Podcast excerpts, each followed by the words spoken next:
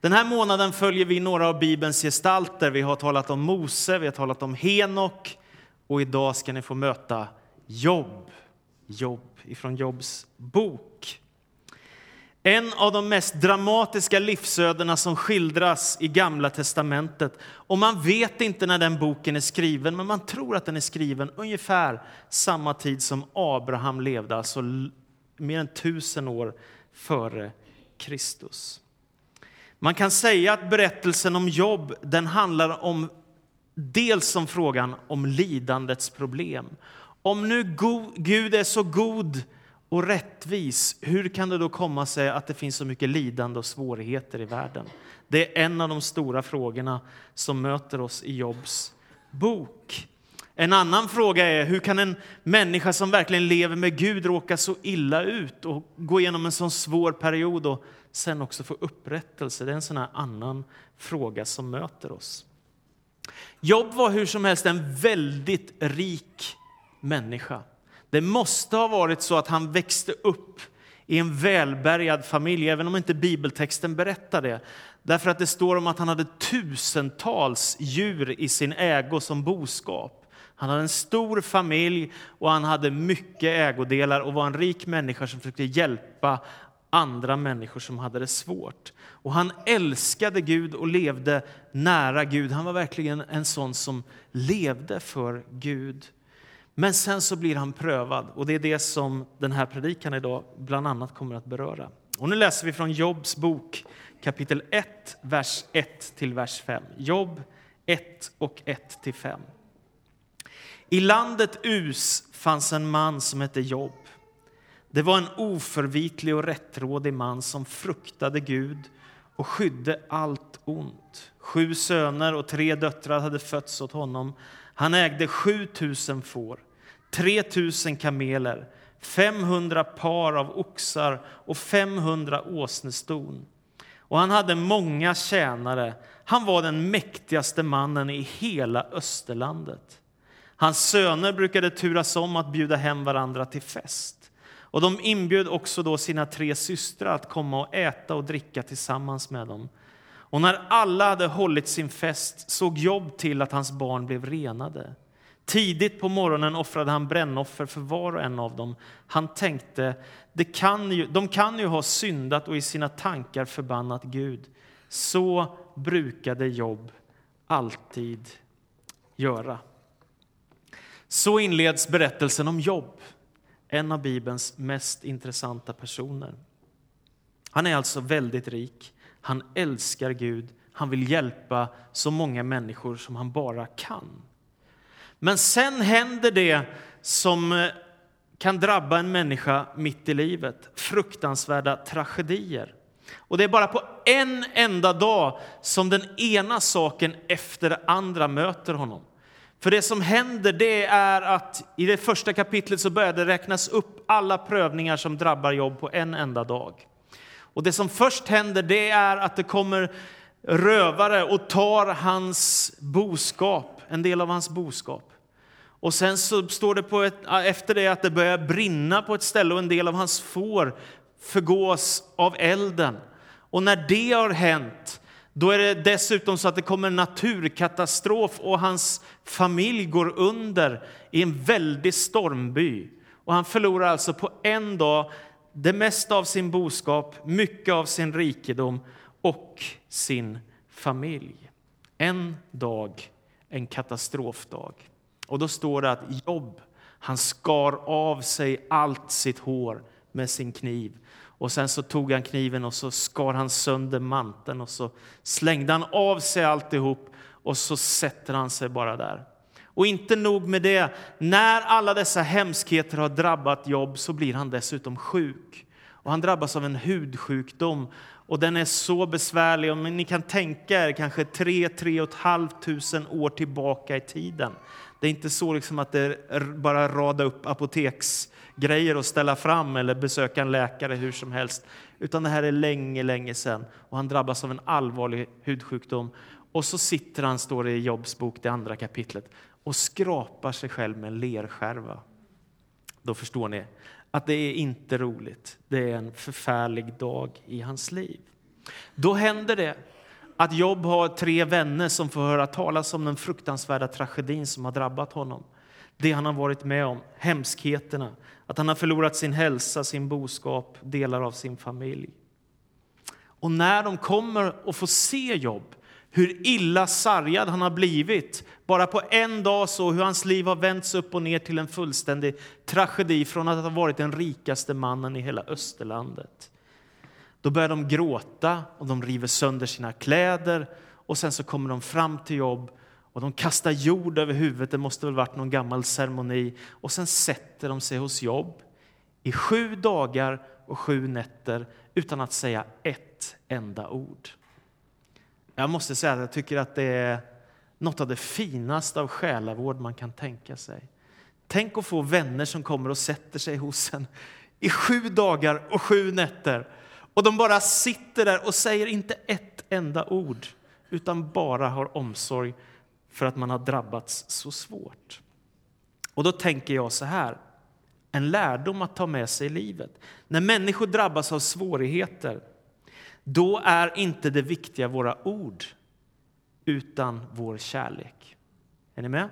När människor drabbas av svårigheter, då är inte det viktiga våra ord, utan vår kärlek. Tänk att sitta tyst hos en annan människa en vecka. Så går en tid och så börjar de prata med varandra. Och då är Jobb helt underbart tycker jag, för att han, han vågar släppa loss allt inför Gud. Om man kommer till den tredje kapitlet i Jobs bok. Då börjar han. Då börjar ja, det är något märkligt med mig, men jag tycker att det är något befriande med Jobs förbannelse. Det är väldigt konstigt. Jag tycker att det är något skönt i detta. Han säger så här, lyssna, den tredje versen. Må den dag då jag föddes förintas. Må den dagen bli till mörker. Och sen när man kommer till tionde kapitlet, sju kapitel längre fram, då säger han, jag vill släppa loss all min klagan inför Gud. Visst är det befriande? Jag tänker att många kristna har lärt sig att tacka Gud i livets alla omständigheter. Och det är ju sant, att man kan tacka Gud för hans godhet, för hans frälsning, för hans kärlek, för hans nåd, allt det. Men man behöver inte tacka Gud för livets alla omständigheter. Jag har lite svårt att sjunga med i den här sångversen Tack för, vad står det, törnarna på rosen eller något sånt där. Alltså där är jag inte riktigt med. Det är tveksamt om det är bibliskt. Ja, kanske jag vet inte. Det är gränsfall. Alltså det är klart man kan få ett annat ljus över svårigheter som möter en och försonas med det. Men jag tror inte man behöver tacka för svårigheter, lidande, prövningar utan man får faktiskt klaga inför Gud. Gud, kom och hjälp mig. Varför? Hur ska jag behöva gå igenom detta? Jobb ger fritt utrymme för sin klagan. Hans fru, hon är ännu värre. Vet ni vad hon gör? Hon säger till Jobb så här. Jobb, nu när du har drabbats av detta, så förbanna Gud och sen kan du dö. Sen är det färdigt. Och då svarar Jobb till sin hustru, du talar som en dåraktig kvinna, säger han. Och sen så fortsätter han att vara en frommis. Det är märkligt. Sen börjar Jobs vänner tala. Och när Jobs vänner börjar tala så händer något som inte alls är bra. Alltså det första de gör är ju helt briljant. Tänk att sitta hos en människa en vecka och bara dela sorgen och smärtan. Men sen börjar de tala. Och då utgår alla tre av Jobs vänner ifrån den här tanken, som inte är Guds tanke, nämligen att det är bara onda människor som drabbas av onda saker. Är ni med?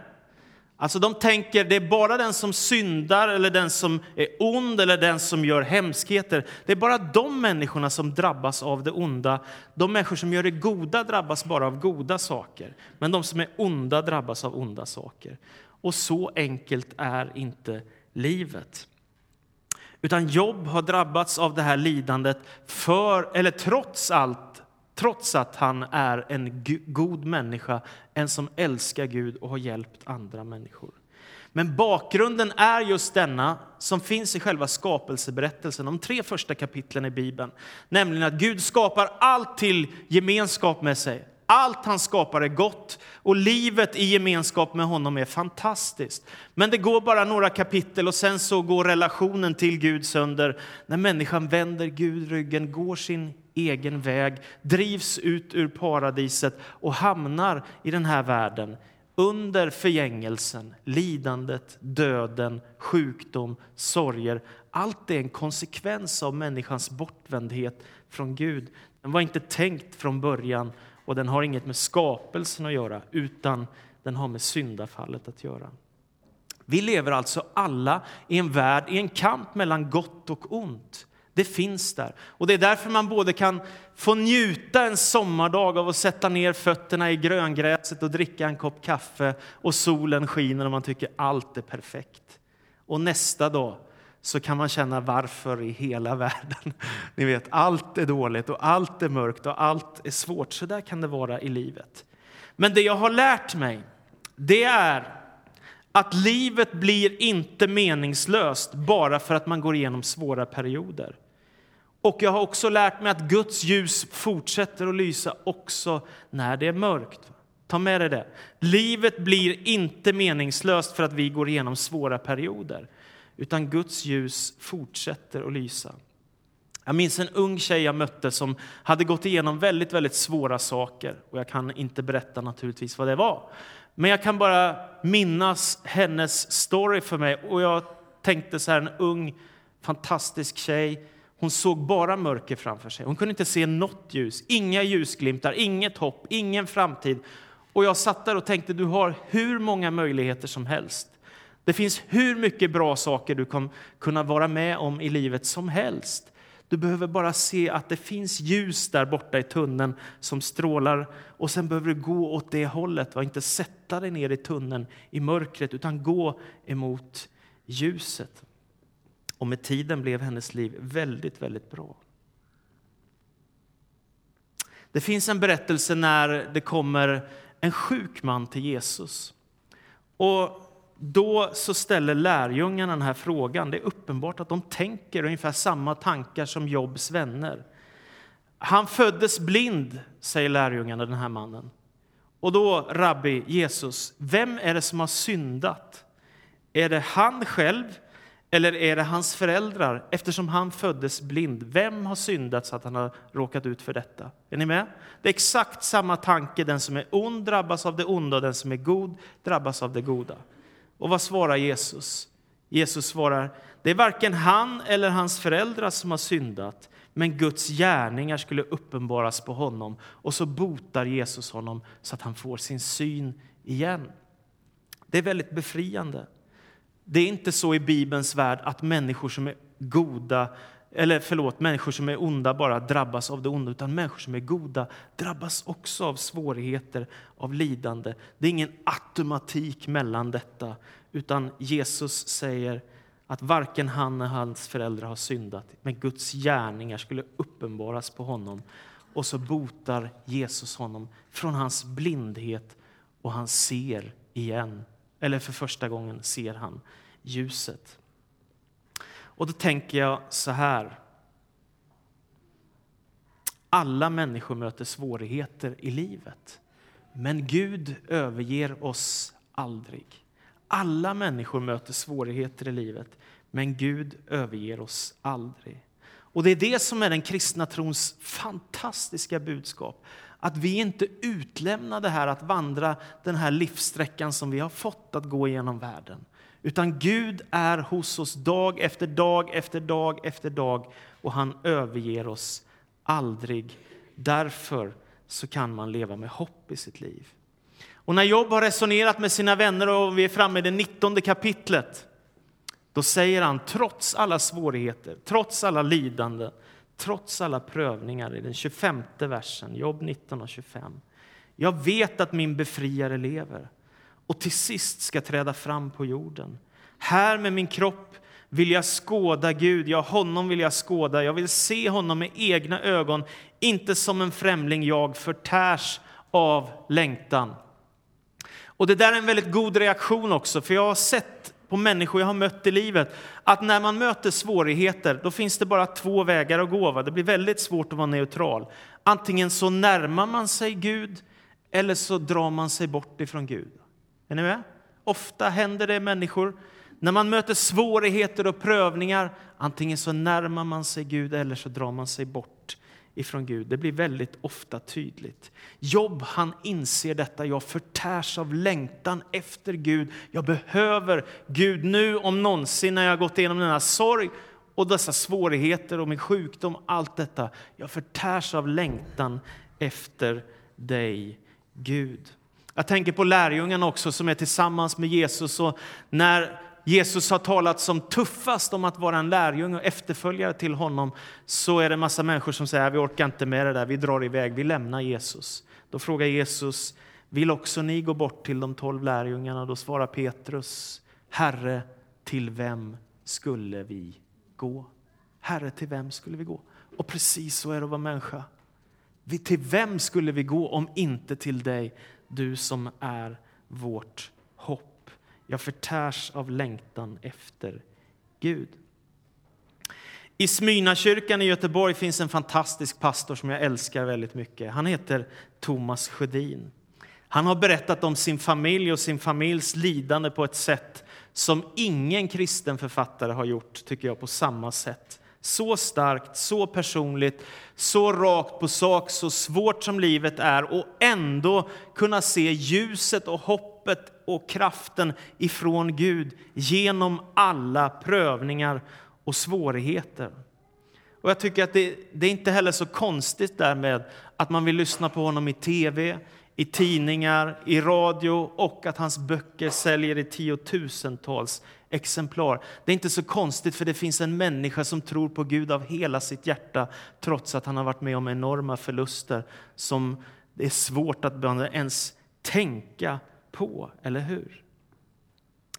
Och då tänker jag så här också. När livet är tufft, då blir det ännu tydligare att Gud ytterst sett är vårt enda hopp. När livet är tufft, då blir det ännu tydligare att Gud ytterst sett är vårt enda hopp. Och det står i Saltaren 46 och vers 2. Det stod i gamla översättningen Gud är en hjälp i nöden väl beprövad. I den nya översättningen står det Gud är vår tillflykt och vår styrka, en hjälp i nöden som aldrig svikit. Vilka fantastiska ord. Gud är vår tillflykt och vår styrka, en hjälp i nöden som aldrig svikit. Tänk att det kan vara så. Det betyder inte att vi får surfa fram på livet liksom bara i glädje och framgång och seger, utan det är, det är så här, det tycker jag. Och jag det finns två frestelser. Det ena, och som förkunnar också, det ena är att bara berätta om allt. Då bad jag för en sjuk som blev frisk, då profeterade jag över någon som fick ett ord ifrån Herren. Då var jag med om de fantastiska mirakler och tusentals människor blev frälsta. Ni vet där, bara tala om härligheten. Eller tvärtom, jag är en fattig syndare, stackare, eländig och allt är svårt och allt. Men det är varken så eller så, för vi är inte himlen än. Men vi är inte heller bara i prövningar och lidande, utan det är lite så här tills vi kommer hem. Är ni med? Det är lite både och, både kors och härlighet, både lidande och seger, både framgång och motgång. Det, det, vi möter allt det genom livet. Jobb drabbas av en längtan, en annan längtan. Han börjar längta efter Gud på ett nytt sätt. Han börjar också längta tillbaka. Det är, fantastiskt. Kapitel 29, vers 2. Om ändå allt vore som förr, säger Jobb. Visst är det en underbar vers? Om ändå allt vore som förr. Så kan man tänka fem år tillbaka, tio år tillbaka, 20 år tillbaka. Om allt vore som förr, men så är inte livet utan det bara rusar vidare och det gäller att hänga på i den här resan med Gud och se till att leva tillsammans med Gud. Så bryter Jobb ut i en bön av hela sitt hjärta när han har sagt om allt vore som förr. Så säger han också det som att han känner som att han är övergiven av Gud och därför så ropar han ut i vers 35 i kapitel 31. O, att det fanns någon som hörde mig. Jag har sagt mitt, må den väldige svara, står det med utropstecken. Så han ropar till Gud om ett svar. Han känner sig övergiven i all sin smärta, allt sitt lidande och så ropar han till Gud om hjälp. Men någonstans här börjar det gå upp för Jobb att han inte är ensam utan att Gud faktiskt hör bön. Och då tänker jag så här. Även om livet är svårt ibland så hör Gud alltid våra böner och han bär oss genom alla våra prövningar. Även om livet är svårt ibland så hör Gud alltid våra böner och han bär oss genom allt. Och så finns det en man när Jobs tre vänner har talat färdigt med Jobb och försökt driva igenom tesen de onda drabbas av det onda Jobb. Omvänd dig, det är fel på dig. Jobb, de onda drabbas av det onda. Jobb, du är en syndare. När, när de är färdiga och Jobb har försvarat sig gång på gång då träder en ung kille fram som heter Elihu och han säger Gud är större än vi kan förstå och hans år kan ingen räkna. Gud är större än vi kan förstå. Hans, ord, hans år kan ingen räkna. Och det är precis det jag tänker också. Alltså man förstår inte allt i livet, man kan inte greppa allt, man kan inte förklara allt. Det går inte att sätta upp lidandets problem och skriva 1, 2, 3, 4 och lösa det. Men Gud är större än allt och hans år kan ingen räkna. Det är därför vi behöver honom, därför vi behöver söka hans kraft och hans hjälp. Han bär oss genom allt. Så kommer avslutningen av Jobs bok och där berättas det att Gud svarar på Jobs böner. Gud hör Jobb och Gud svarar på Jobs böner. Och när han börjar svara så är, så är Gud så befriande för då säger han Jobb, var var du någonstans när jag skapade allt? Kan du hålla ihop sju stjärnorna och Orion? Och han räknar upp massa saker. Alltså jobb, det är större än bara dig och ditt liv. Det finns en hel värld som jag uppehåller.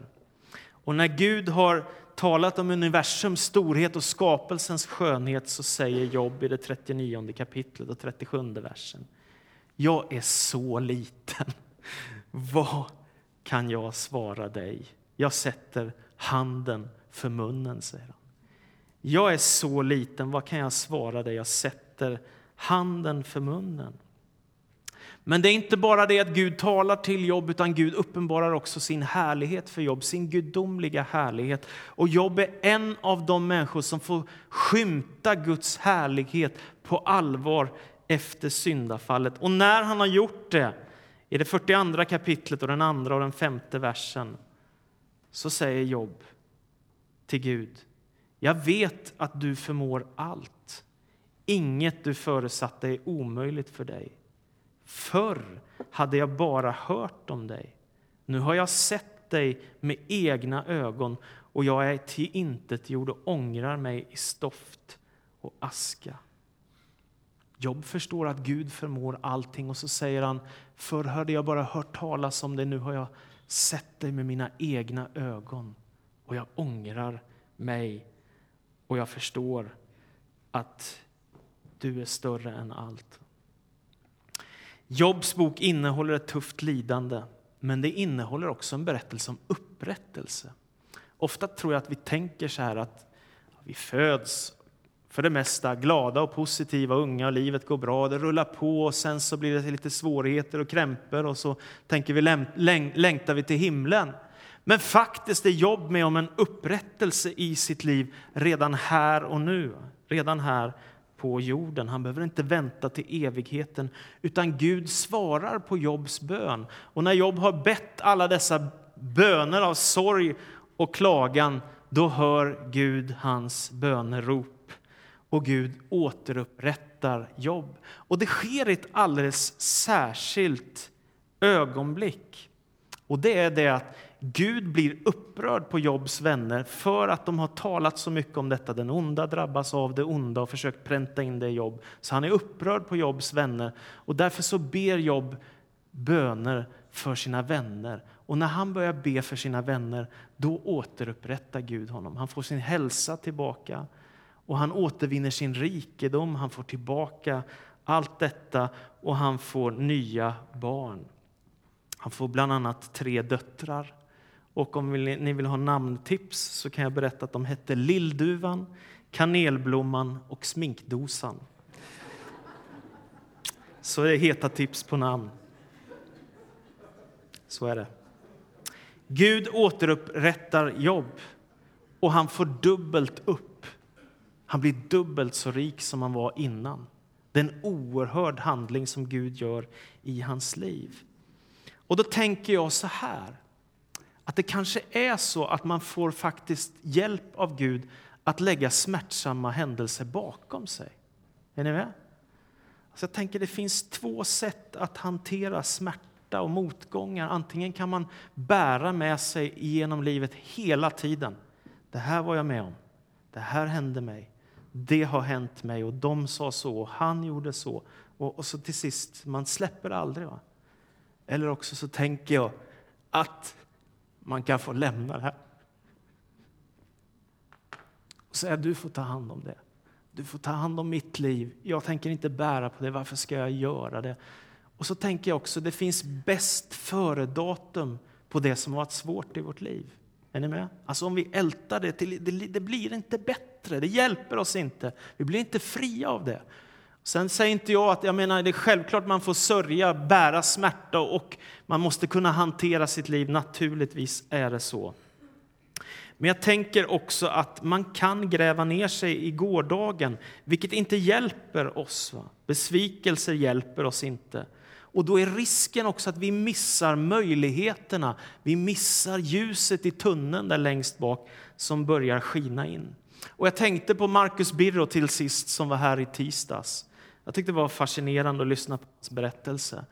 Och han berättade ju om tre faser med alkohol i sitt liv. De första fem åren hade han roligt med alkoholen. Då kunde han behärska och festa loss och så tyckte han det var roligt. Sen kom fem år som började bli riktigt svåra för honom och ställde till det för honom att han inte kunde sköta sig. Och det blev ett riktigt elände i hans liv. Sen kom fem år till som var en fullständig katastrof för honom och som höll på att ta hans liv.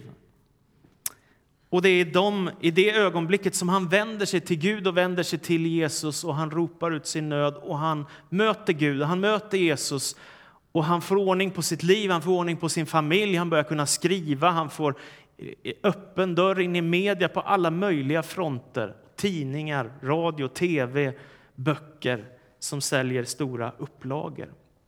Och då sa Markus något som jag tyckte var så fruktansvärt bra. En del tycker att det är dårskap att tala om Gud och Jesus i vår tid. Men vilket är den största dårskapen? Att låta bli att vittna om Jesus eller att tala om det som har hjälpt mig att få ordning på mitt liv, som har blivit upprättelse för mig. Det är bra sagt, eller hur? Mötet med Gud gör all skillnad i världen. Gud är vår tillflykt och vår styrka, en hjälp i nöden som aldrig har svikit. Amen. Så ber jag också Gud att du ska lyfta bördor, Herre, lätta på bördor. Jag ber Jesus Kristus att du ska hjälpa oss att inte bära sorger med oss onödigt länge. Att inte ta smärtan med oss i ett ältande som inte gör att det tar slut.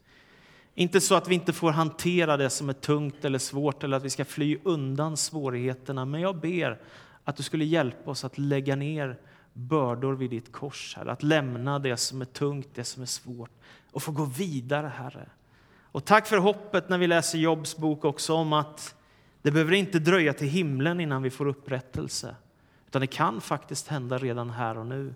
Att du hör våra böner och svarar på våra böner och griper in och förändrar omständigheter och förhållanden. Jag ber om det. Vi behöver det i vår stad för mängder av människor. I Jesu namn vi ber. Amen.